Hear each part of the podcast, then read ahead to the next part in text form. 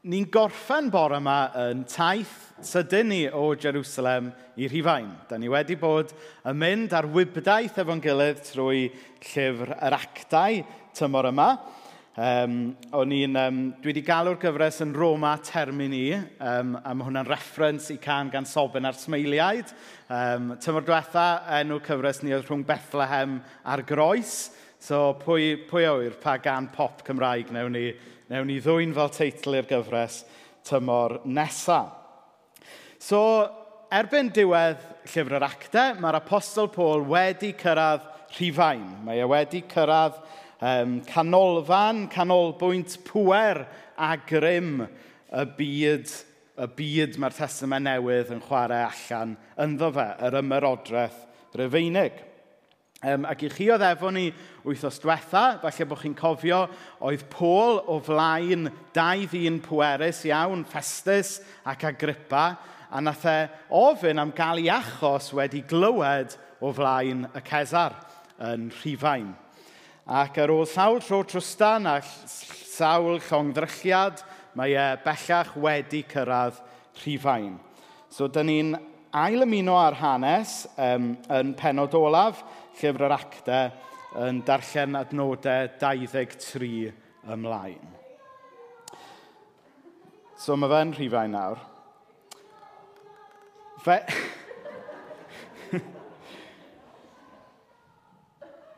Ie, yeah, mae ma Ned yw bach yn obsessed efo Old MacDonald heddiw. Chos dyna beth cyntaf nes i just clywed bedroom y bore yma. Dim, hello dad, help mam, ond ia, ia, io. Oedd na, dyfa, anyway, sorry. Nôl at y Beibl. So, llyfr yr actau, penod ola, adnod 23 ymlaen. Felly dyma nhw'n trefnu diwrnod i gyfarfod â Pôl, so y bobl yn rhifau nawr. Daeth llawer iawn mwy ohonyn nhw yno o diwrnod hwnnw. Bydd Pôl wrthi drwy'r dydd o fore tan nos yn esbonio beth oedd yn ei gredu roedd yn ei dysgu nhw am deyrnasiad dew ac yn defnyddio cyfraith Moses ac ysgrifau'r proffwydi i geisio'u cael nhw i weld mae Iesu oedd y Meseia. Llwyddodd i argyhoeddi rhai ohonyn nhw, ond roedd y lleill yn gwrthod credu. Buon nhw'n dadlau gyda'i gilydd a dyma nhw'n dechrau gadael ar ôl i Pôl ddweud hyn i gloi. Roedd yr ysbryd glân yn dweud y gwir – wrth eich hynafiaid chi wrth siarad drwy'r proffwyd Ezeia. Dos at y bobl yma a dweud, gwrandwch yn astyd, ond fyddwch chi ddim yn deall. Edrychwch yn ofalus, ond fyddwch chi ddim yn dirnad. Mae nhw'n rhy ystyfnig i ddysgu unrhyw beth. Mae nhw'n gwrthod gwrando ac wedi cael eu llygaid. Fel arall, bydden nhw'n gweld eu llygaid, yn clywed eu clustiau, yn deall go iawn – ac yn troi, a byddwn ni'n ei hiachau nhw. Felly deallwch hyn, mae'r newyddion da am ddew yn achub ar gael i bobl y cenhedloedd eraill hefyd, a bydden nhw'n gwrando. Am ddwy flynedd gyfan, arosodd Pôl yno yn y tŷ oedd yn ei renti. Roedd yn rhoi croeso i bawb oedd yn dod i'w weld. Roedd yn cyhoeddi'n gwbl hyderus fod Dyw yn teirnasu ac yn dysgu pobl am yr arglwydd Iesu Grist, a doedd neb yn ei rwystro. So dyna ni, dyna, dyna sut mae llyfr yr actau yn gorffen.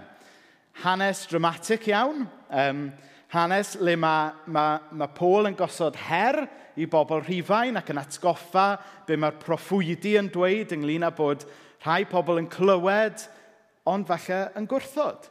Ond rhai pobl yn clywed ac yn credu. A mae hwnna jyst yn atgoffa ni ar ddiwedd y gyfres fel hyn, bod ni, bob un ohono ni, yn goffo wneud y penderfyniad yna hefyd. Sut ydym ni yn ymateb i alwad y proffwyd fan yna? Ydy ni jyst yn meddwl ar ddiwedd y gyfres yma, wel na, stori neis, stori cyffroes ynglyn a'r, ar apostolion a tybod, fi'n licio wasio pethau ar y Travel Channel a mae wedi bod yn exciting clywed am, am Paul yn mynd i'r gwahanol lefydd yma. Neu, ydyn ni'n gwrando ar y stori yma a deall mae nid jyst stori fach neis yw hwn, ond stori sydd ynglyn a Iesu. Stori sydd ynglyn a rhywbeth da ni yn bersonol angen ymateb iddo fe. Ydy ni jyst yn gadael iddo fe wasio drosto ni a bod ni'n disgwyl mlaen i fynd i dinas dincau pnaw yma?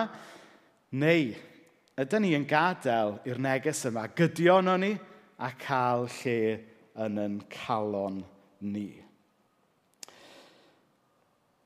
Oedden ni'n canu munud yn ôl am wahodd yr arglwydd i agor llyged yn calon. Ond oedd y proffwyd oedd Paul yn dyfynnu fyna yn yn yn yn rhybuddio ni i wasio bod yn calonau ni a'n llyged ni ddim ar gau. So mae'n bwysig drwy ffydd yn bod ni yn agor llyged yn calonau bore yma. So mae'r hanes actau'n gyffredinol, mae'n gorffen ar bach o cliffhanger. Dyn ni ddim yn gwybod o ddarllen actau beth sydd yn digwydd i'r apostol Paul. Wedyn mae, mae jyst yn dweud bod e dan rhyw fath o haws arrest, bod ganddo fe rhywfaint o, o ryddid i bregethu. Um, ond da ni ddim yn gwybod yn iawn sut mae'r stori yn gorffen. Nawr dwi yn casau ffilms a phethau le does dim diwedd taclus iddo fe. Mae fe jyst yn hala fi'n frustrated. Mae rhai pobl yn hoffi hwnna. Mae nhw'n hoffi, chybod, y rhyddid i gael dod lan a theories ynglyn â sut mae'r stori yn gorffen. Ond dwi ddim. Dwi'n licio gwybod sut mae rhywbeth yn gorffen. Ond os i ni just yn darllen llyfr yr actau, da ni ddim yn gwybod yn union sut mae hanes Pôl o leiaf yn gorffen. A mae rhywun yn wyndro, wel, pam bydde um, Luc na, a pobl eraill nath siŵr o fod sgwennu llyfr yr actau, pam nath nhw ddim gorffen y stori yn dwt? Pam na geithon ni wybod beth yn union ddigwyddodd i Pôl? Wel, y rheswm pam yw achos mae nid hanes Pôl ydy llyfr yr actau. Nid hanes Pedr cyn hynny. Ond yn hydrach, nid llyfr sy'n adro stori am bobl pa mor arbennig a pa mor bwysig oedd y bobl i'r hanes ydy actor apostolion. Ond beth ydy e? Ydy hanes yr efengil grisnogol i hun. Nid prif gymeriad llyfr yr actau, ydy, um, ydy yr apostolion, ydy Pedr, ydy Pôl. Ond prif gymeriad ac der apostolion, actually, ydy Dyw i hun a'i efengil. Yn arbennig, falle, Dyw yn ei ysbryd, y tad y mab a'r ysbryd glân. Mae'r efengylau yn rhoi adroddiad i ni ynglyn â Dyw y mab yn fwyaf clir – A mae actau'r apostolion yn cyflwyno ni i'r cymeriad pwysig yna sydd yn gyflawn rhan o ddew, sef yr ysbryd glân. Ond, ni dal eisiau gwybod beth ddigwyddodd i Paul dydyn. Nawr, dwi'n meddwl bod e'n arwydd o cael bod ni ddim yn gwybod sut mae stori Paul yn gorffen o leia o ddarllen hwn. Ond ni yn gwybod bod newyddion da Iesu Grist wedi cyrraedd rhifain, wedi cyrraedd canol y byd rhyfeinig, yr ymerodraeth rhyfeinig ar y pryd. Nawr, dwi'n mynd i wneud Star Wars reference arall nawr. Dyma ti'r pumed yn y gyfres yma. Sori am hwnna i chi sy'n erioed wedi watcho Star Wars. Um, so, yn, yn y ffilm Star Wars A New Hope, pwy sy'n wedi gweld e? OK, fawr. OK, dim lot. OK, ond bywydd e am eiled. Okay. So yn y ffilm Star Wars A New Hope, mae ma Luke Skywalker, okay. so mae'r ma, ma bobl ddrwg yr Imperial Empire, mae ganddyn nhw, be maen nhw'n galw'r Death Star. So mae hwnna'n sy'n scary iawn, yn dydy. Tyfod.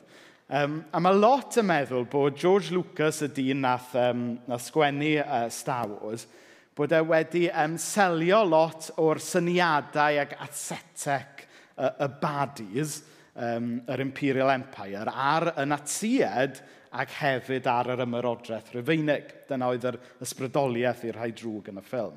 Ac oedd gan yr rhai drwg, be nhw'n galw'r Death Star. Ac ar ddiwedd y ffilm Star Wars yn New Hope, mae dy ti'r Death Star enfawr yma, jyst yn yr un ffordd ac oedd yr ymerodraeth rhyfeinig, a'i pŵer, a'i statws, a'i byddinoedd yn, yn bŵer enfawr yn byd y testament newydd.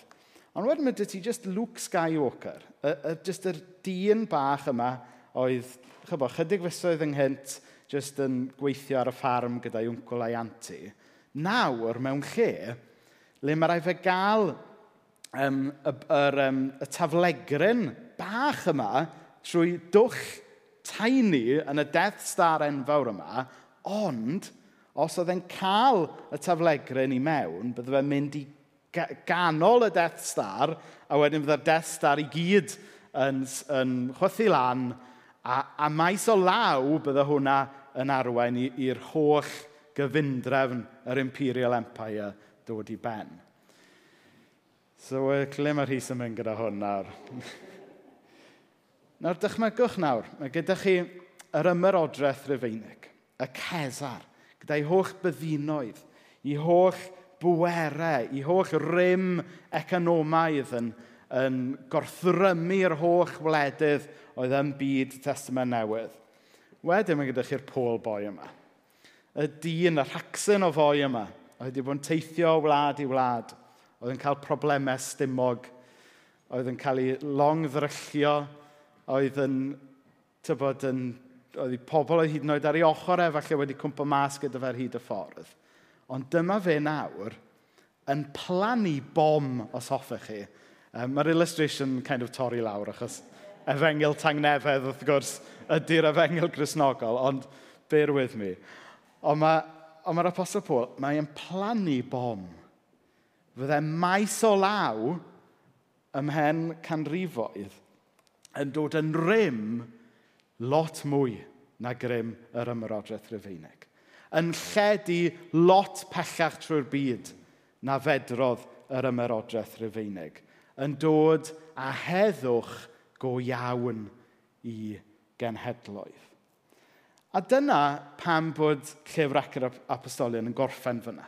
Oherwydd mae'n gorffen gyda bod efengil Iesu Grist yn, yn cyrraedd canol y byd rhyfeinig. Dyna ddiwedd hanes yr actau, Ond, dyna dechrau yn hanes a'n stori ni. Dyna sy'n exciting am hyn. Hynny yw, ni, yr eglwys grisnogol heddiw, ydy'r benod nesaf mewn ffordd yn hanes o apostolion. So maen nhw'n meddwl um, bod Paul wedi cyrraedd rhifain tua 60 um, oed Crist. Nawr, beth sy'n anhygoel yw fod y gair rhyfeinig yn segontiwm yma yng Nghernarfon wedi bod y rhyfeiniad wedi cyrraedd fama tua 80 oed Crist. So, so hynny yw, mewn cyfnod byr iawn ar ôl i Pôl gyrraedd Rhifain, mi fydda'r rhyfeiniad wedi cyrraedd yr ardal yma wedi cyrraedd Cernarfon. Jyst i roi cyd-destun i chi, diwna ddim yn lot o amser. Fi oedd John Trehan yn weinidog yma am fwy o amser na'r na amser nath basio rhwng Pôl yn cyrraedd Rhifain a'r Rhyfeiniad yn cyrraedd um, Cernarfon neu, neu Segontio. Nawr, mae haneswyr yn recno mae siŵr o fod milwyr Rhyfeinig na ddod ar ffydd grisnogol i orllewin a gogledd Ewrop. Mae hwnna'n dangos chybod yr berthynas gymleth yma oedd gan Cresnogaeth gyda imperialaeth, ond wnawn ni drafod hwnna rhywbryd eto. Um, ag, so, dyw hwn ddim yn rili'n really historical, ond dwi'n meddwl, wnawn ni chwarae gyda fe am eiliad. Nawr, oherwydd yr amser sydd wedi pasio, dyw e ddim yn amhosib y bydd yna filwyr Rhufeinig wedi clywed Paul yn siarad – a byddai'r milwyr yna wedyn tua diwedd i gyrfa wedi dod i Gynarfon. Does dim ffordd o brofi hyn, ond dim ffordd o'i ddad brofi fe. So mae'n stori dwi'n dewis i gredu. Be ddigwyddodd i pôl ddo? Wel, yn drist iawn, tua'r flwyddyn um, 64 oed Crist, mi oedd yna dan mawr yn Rhifain. A fe nath yr ym, ymerawdwr um, uh, Nero feio'r tân yna ar y Cresnogion. A fe gath llawer um, o Gresnogion oedd yn byw yn rhifan ar y pryd i arestio, a'i poenydio, a'i lladd. A, a, a mae yna siawns, um, mae'n debygol y bydde Pôl falle ymhlith y Cresnogion gafodd ei arestio a'i dienyddio yn y cyfnod yna dan yr ymyrawdwr Nero.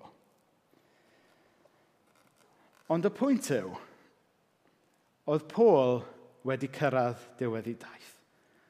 Oedd e wedi dod ar y fengel grisnogol i'r Ifain, ac o fan yna nath y ledu i bob rhan o Ewrop ac yn y diwedd i bob rhan o'r byd, gan gynnwys yma yng Nghernarfon. Dyna pam eich bod chi yma bore yma.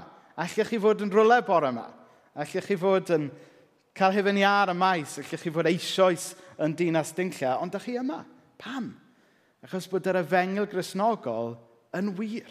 Mae e'n newyddion da sydd yn newid bywydau. Mae e'n newid cymdeithas. Mae'n dod â gobaith i bobl. A dyma oedd y gobaith, mae'n siŵr, ydy cynnal Pôl a'r Cresnogion yna, hyd yn oed pan o'n nhw'n wynebu erledigaeth a marwolaeth hyd yn oed wrth law Nero. A dyna sy'n anhygoel am hanes canrifoedd cyntaf Cresnogaeth. Pwy mor galed oedd uh, Nero a'r rhufeiniad eraill yn, yn ei erlyd nhw, y cryfa oedd ei ffydd nhw'n mynd. Y mwyaf gweidlyd oedd yr erlyd, yr, um, y mwyaf llydan oedd y ffydd grisnogol yn lledu. A'r heswm pam, oedd achos o'n nhw'n credu bod Iesu Grist wedi marw a fod Iesu Grist wedi atgyfodi. Mae'n swnio'n basic yn dydy, ond dyna yw hanfodion yn ffydd ni. Bo Iesu Grist wedi marw er mwyn i ni gael heddwch, er mwyn i ni gael yn pechodau a'n beiau i gyd wedi, wedi delio efo a cymryd i ffwrdd, ond crwysli fod Iesu Grist wedi atgyfodi ac felly fod marwolaeth wedi cochi i golyn. Um, Chybod dyddiau yma, mae yna... Mae yna um, mae'r mae'r gwenyn yn dechrau dod allan yn dydyn. Ddim cweith ato, y pryfed dyn sy'n tynnu ar yno bryd. Ond fydd y gwenyn yn dod nawr yn yr wythnosau nesaf. Ac ar ôl i wenyn um, bigo rhywun, mae dal yn byzan o gwmpas, ond mae e marw wedyn, dydy. Mae wedi cochi i golyn. Ac wrth i Iesu atgyfodi, Mae pwerau'r tywyllwch, mae marwolaeth, mae i gyd yn cochi i rym.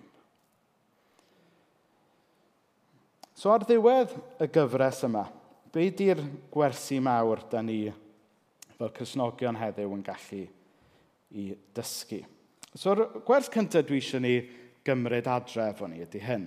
Sef fod yr apostolion a'r cysnogion cyntaf bod nhw o ddifri ynglyn â beth o'n nhw yn ei gredu. Doedd e ddim jyst yn hobi, doedd e ddim jyst yn rhywbeth oedden nhw'n tynnu allan o'r drôr ar ddydd syl.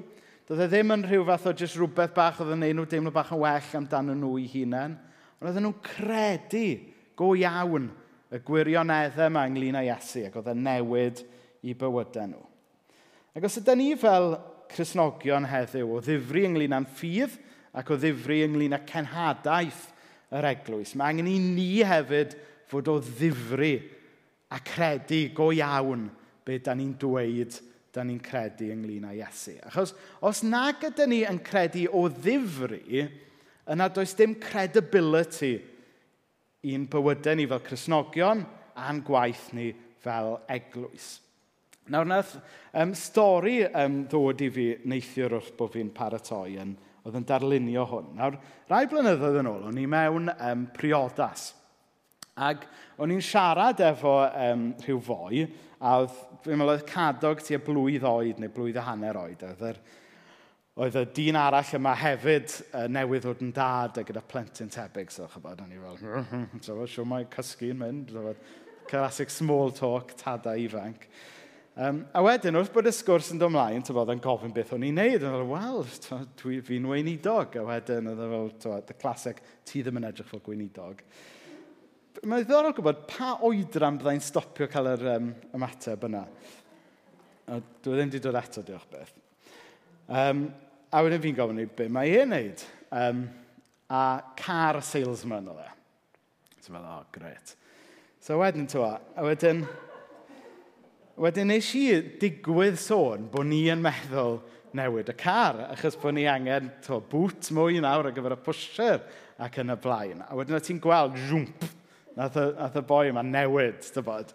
Oedd e'n bellach, dyfod, o'n i'n target, dyfod. I had a target on my back, dyfod. Um, a wedyn, tyfod, ni jyst yn sgwrsio am, am ceir ac yn y blaen ac oedd e'n sôn am yr, tyfod, y, y car perffaith oedd, oedd i gwmni fe'n gwerthu ar gyfer teuluoedd ac yn y blaen, ti'n gwybod. A Vauxhall dealer oedd e. Um, a 'na ni. Tibod, daeth y sgwrs mlaen a wedyn redodd Cadag off neu rhywbeth. A wedyn yr hwyrach yn y dydd, daeth e nôl ato fi gyda offer. Oedd e, e'n amlwg wedi bod ar, ar y ffôn gyda'r swyddfa neu, neu wedi bod ar gwefan y cwmni neu rhywbeth. A tybod, oedd e'n dweithio fi, os ni wedi rhoi hyn a hyn deposit lawr, a wedyn bydd o'n monthly payment, tybod. A o'n i'n meddwl erbyn y first dance, byddwn ni'n sign a contract ffordd y pethau mynd. Um, ond wedyn, hwyrach eto yn y noson wedyn, o'n i'n holi wedyn pa fath oedd gar oedd gyda fe. A be'r yma, mae Vauxhall dealer oedd e, ac oedd e wedi bod yn sôn pa mor amazing oedd y Vauxhalls yma, ac oedd e'n trio gwerthu'r Vauxhall yma. Nw'n mynd gofyn bod, o, oh, BMW oedd gyda fe. ac, a o'n i jyst yn meddwl, neithio'r e paratoi, a cofio am y stori yna. Tybed ydyn ni'n gallu bod fel na weithiau y weias i Grist. Ti'n bod ydyn ni jyst yn gallu talk the talk, dweud mor dda di Iesu, dweud bod ni'n credu yn Iesu. Ond actually, bod ni'n rhoi yn ffydd mewn pethau eraill. Bod ni'n licio pethau eraill. Eto, mae'n licio pethau eraill yn iawn. Ond os ydyn ni o ddifri ynglyn â Iesu, fyddwn ni'n hawlio fe, fyddwn ni'n byw e, fyddwn ni yn mynd â fe gyda ni i bob man, byddwn ni yn byw, ta, byddwn ni'n byw e, neu jyst yn ei ddweud e yn penod pedwar adnod deuddeg. A Pedr ac Iwan yn dweud o flaen y cyngor yn Jerusalem, Fe ydy'r un sy'n achub. Does neb arall yn unman sy'n gallu achub pobl. Oedden nhw'n o ddifri ynglyn â beth oedden nhw yn credu. Oedden nhw'n rhoi popeth tu ôl iddo fe. Yr ail wers i ni, i ni godi ar ddiwedd y gyfres yma ydy pwysigrwydd yr ysbryd glân. Dwi'n aml yn meddwl yn bod ni yn esgyluso yr ysbryd glân. Da ni y tad y mab a'r ysbryd glân, ei mawl sydd un. Da ni'n credu mewn un dew a'r dew yna yn dri person, ond da ni wastad yn tueddu falle i anhofio am yr ysbryd glân, bod ni falle yn tad y mab a'r capel, y tad y mab a canu ymynau. Tad y mab a'r Beibl, falle. Mor bwysig ydy y capel canu ymynau a'r Beibl. Ond y tad y mab a'r ysbryd glân yw'r dew i ni yn ei addoli.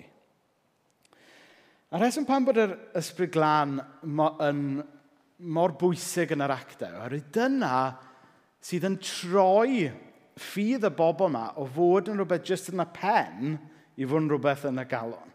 Yr ysbryd glân sydd yn troi ffydd o fod yn rhywbeth, chybod, da chi jyst yn meddwl amdano i fod yn rhywbeth da chi yn ei deimlo, a da chi yn ei fyw, a da chi'n cael nerth. A chybod, da ni gyd yn gwybod beth ydy o i drio byw y bywyd chrysnogol ddim yn nerth yr ysbryd glân. Ac i trio byw e, yn y nerth yn hunain. A dwi'n dwi, dwi syrthio i hwnna'n llawer i aml. Mae'n ffydd ni'n mynd yn sych, mae'n ffydd ni yn mynd yn ddiflas, mae'n ffydd ni yn arwain i flynder. Ond fel mae'r hen emyn yn dweud, yr ysbryd glân sy'n rhoddi trydan yn y traed. Wrth y modd efo'r llinell yna gan Dan Lynn James. Ti sy'n rhoddi'r trydan yn y traed. Dyna mae'r ysbryd glân yn gwneud. A newn ni weddio ar y diwedd y cewn ni yn llenwi y drachefn, drachefn a thrachefn efo'r ysbryd glân. A wedyn yn olaf, y wers olaf, oedden nhw, y, y Cresnogion yn llyfr yr actau, oedden nhw'n amlwg yn byw beth oedden nhw yn ei bregethu. Oedden nhw ddim jyst yn credu y gwirioneddau ynglyn â Iesu, nhw ddim jyst yn pregethu'r gwirioneddau, ond oedd pobl yn gallu gweld bod yna rhywbeth gwahanol amdanyn nhw. Yn y ffordd oedden nhw yn caru gilydd a caru eraill. Yn y ffordd oedden nhw'n gwasanaethu a dangos ffordd wahanol i fyw. Dangos rhywfaint o deyrnas ddew yn torri trwyddo yn y byd yma. A dyna ydy, dyna ydy'r eglwys, ynddo? Da ni yma fel um, rhagflas, fel teister i'r byd blenedig o'n cwmpas ni o fyd gwell sydd i ddod. A wedyn dwi am orffen efo hyn. Nawr, rai misoedd yn ôl, nes i rannu gyda chi bod fi'n teimlo fy mod i, a falle ni fel eglwys, wedi gorgymlethu pethau drwy gael chybod, rhaglen brysur iawn bod tybod, pethau i gyd sy'n iawn yn ei lle, chybod, yn, yn clwb ieuenctid, yn brysur gyda banc bwyd, yn ser bach, a, a bod lot o'r pethau yma Ond yn y pandemig, bod, bod ni wedi gorfod slofi lawr neu hyd yn oed stopio rhai o'r pethau yma. Ac yn y stopio yna, oedd Dyw wedi dweithio fi bod y pethau yna i gyd yn, yn dda ac yn iawn yn ei lle, ond weithiau fod bod yn brysur yn gwneud pethau Dyw yn tynnu ni ffwrdd weithiau o actually just edrych a caru a gwerthorogi Dyw ei hun. Felly dros y misoedd diwetha, dwi wedi ffeindio rhyw adnewyddiad ysbrydol drwy jyst ail ddarganfod symlrwydd ffydd unwaith eto. Dyna pan bod fi wedi mynd bach yn Anglican yn ddiweddar a, a di cael rhyw gysur yn adrodd y credo a pethau fel yna. Chyfod, jyst rhyw alwad i, i ni torri nôl ar trimmings chrysnogaeth gyfoes a modern a mynd yn ôl at hanfodion yn ffydd ni. A bod hwnna'n fwyd, bod hwnna'n fywyd i ni, sydd wedyn ysbrydoli ni, falle mynd yn ôl at y pethau eraill, ond falle gyda'n blaenoriaethau wedyn yn y lle iawn. So, yn arwen mlaen o hwnna nawr, da ni mynd i blygu pen mewn gweddi, ac yn ystod y weddi mae'r ma, band mynd i ddod nôl fyny a wedyn byddwn ni yn mynd i ddathlu swper yr arglwydd gyda'n gilydd. Gai, gael gwahodd chi godi ar eich traed wrth bod ni yn gweddio, achos ni'n mynd i weddio sort of mewn ymateb i rhai o'r pethau yma. O ddiw dad, da ni yn diolch i ti bod ni wedi mwynhau amser efo'n gilydd tymor yma yn edrych ar hanes actau'r apostolion y newyddion da am Iesu Grist yn mynd i lefydd anusgwyl, dod â gobaith i'r gorthrymedig, dod â goleini i dywyllwch.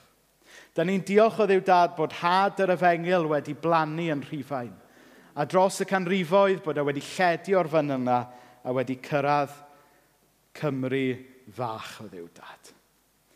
O ddiw dad, i ni'n gofyn i'r un efengil oedd yn obaith, oedd yn gadernid i Pôl fod yn obaith i ni bore yma. O ddiw dad, da ni'n dod ato ti o ddiw dad yn cydnabod, yn pechod, yn gwendid, yn beiau. Ond yn diolch mae'r diw sydd yn barnu ydy hefyd y diw sydd wedi marw i ni gael byw. I ni'n diolch fod Iesu Grist ddim jyst wedi marw droston ni, ond mae e wedi atgyfodi i roi'r ergyd ola i holl bwer, tywyllwch, pechod a marwolaeth y byd yma. Ac o ddiw dad, ni'n diolch fod atgyfodiad di yn rhagflas i ni o'r byd sydd i ddod. O ddiw dad, llenwa ni o'r newydd bore yma efo gwres dy ysbryd glân. Helpa ni fod yn bobl sydd ddim jyst yn, yn credu pethau am Iesu, ond bod ni yn teimlo dy gariad a dy bresenoldeb di. A bod ni'n cael grym yr ysbryd glân i fyw fel disgyblion i ti heddiw. O ddiw dad, ni'n gofyn i ti fendithio pawb sydd yma. Ni'n gofyn i ti fendithio teulu'r eglwys yma a ffrindiau sydd yma o eglwysi a, a llefydd eraill bore yma o ddiw dad. Bydd gyda ni dros wythnosau'r haf le fydd rhai pobl yn crwydro, lle bynnag i ni o ddiw dad cadw'n agos i ni. O ddiw dad, gad i ni glywed be oedd Paul, sut oedd Paul yn dyfynnu y proffwydi. Y rhybydd yna, um, bod yna rhai pobl falle yn, yn gwrando ond bod e ddim yn cyrraedd y galon. Ond bod yna rhai pobl yn dir ffrwythlon i newyddion da Iesu. O ddiw dad, helpa ni bore yma i fod yn dir ffrwythlon i dy gariad a dy ras a dy newyddion da di. Felly o ddiw dad gyda saint yr oesoedd, i ni'n uno gyda'n gilydd i adrodd y credo apostolaidd. Credaf yn yw y tad holl alluog creawdwr nefoedd a deiar. Credaf yn Iesu Grist, ei unig fab, ein harglwydd, a gai trwy nerth yr ysbryd glân, a aned o fair forwyn. Dioddefodd dan Pontius Peilat, fe'i croeshoeliwyd, bu farw ac fe'i claddwyd. Disgynodd at y meirw. At gyfododd y trydydd dydd, ysgynodd i'r nefoedd ac y mae'n eistedd ar ddeheulawr tad. Daw eto i farnu'r byw a'r meirw. Credaf yn yr ysbryd glân, yr eglwys lân gatholig, cymundeb y saint, maddeiant pechodau, atgyfodiad y corff a'r bywyd tragwyddol. Amen. Dewch i ni eistedd i lawr. Ac um, os ydych chi wedi dod â bara gwyn gyda chi, allwch chi ystyn nhw nawr. Pawb arall yna ymunwch gyda ni mewn ysbryd os ydych chi eisiau. A mae'r band mynd i chwarae yn, yn dawel yn y cefndir nawr.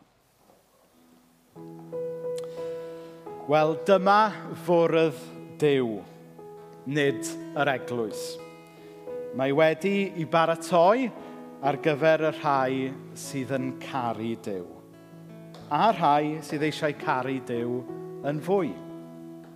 Felly, dewch Chi sy'n gadarn eich ffydd, a chi sydd yn amau weithiau.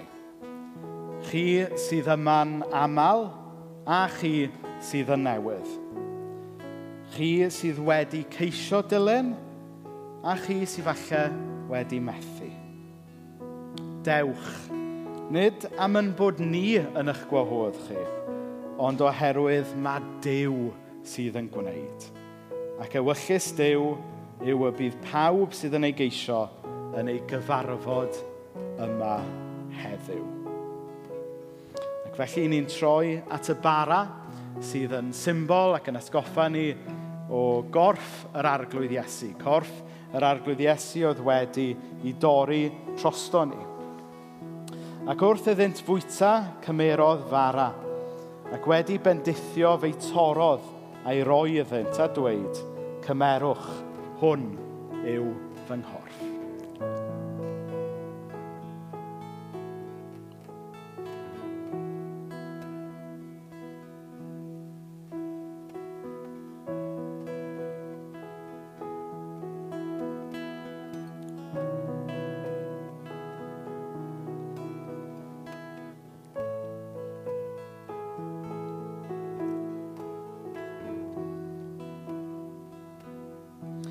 wedyn fe gymerodd yr arglwydd Iesu y cwpan.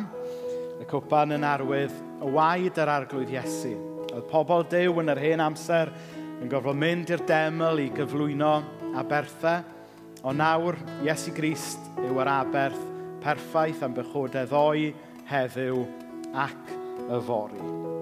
Ac felly ni'n cymryd y cwpan gyda'n gilydd. A chymerodd gwpan ac wedi diolch fe'i rhoddodd iddynt ac yfodd pawb ohono, a dywedodd wrthynt, hwn yw fy ngwaed i, gwaed y cyfamod sy'n cael ei dywallt er mwyn llawer. Os da ni um, am orffen bod yma trwy canu um, un can arall, a yn mynd yn ôl at beth yr hys yn deud, a yr pwysigrwydd o symlrwydd um, yn ffydd ni weithiau. Um, mae Kitgan, yr, yr gan yma, jyst yn deud croes fy Iesu sy'n iachawdwriaeth. Dim byd arall croes fy Iesu sy'n ei achawdwriaeth a beth sy'n dod o hynna llifodd cariad ata fi. A beth i ymateb ni hynna wedyn can fy enaid nawr, haleluia, clod a mawl i thenw di. Mae mor syml o hynna. Da ni yn canu haleluia um, alla o'n enaid ni jyst mewn ymateb i, i groes Iesu a'r atgyfodiad a'r gobaith mae hynna'n yn prynu. So, os da chi eisiau sefyll, i ni gael addoli efo'n gilydd i orffen.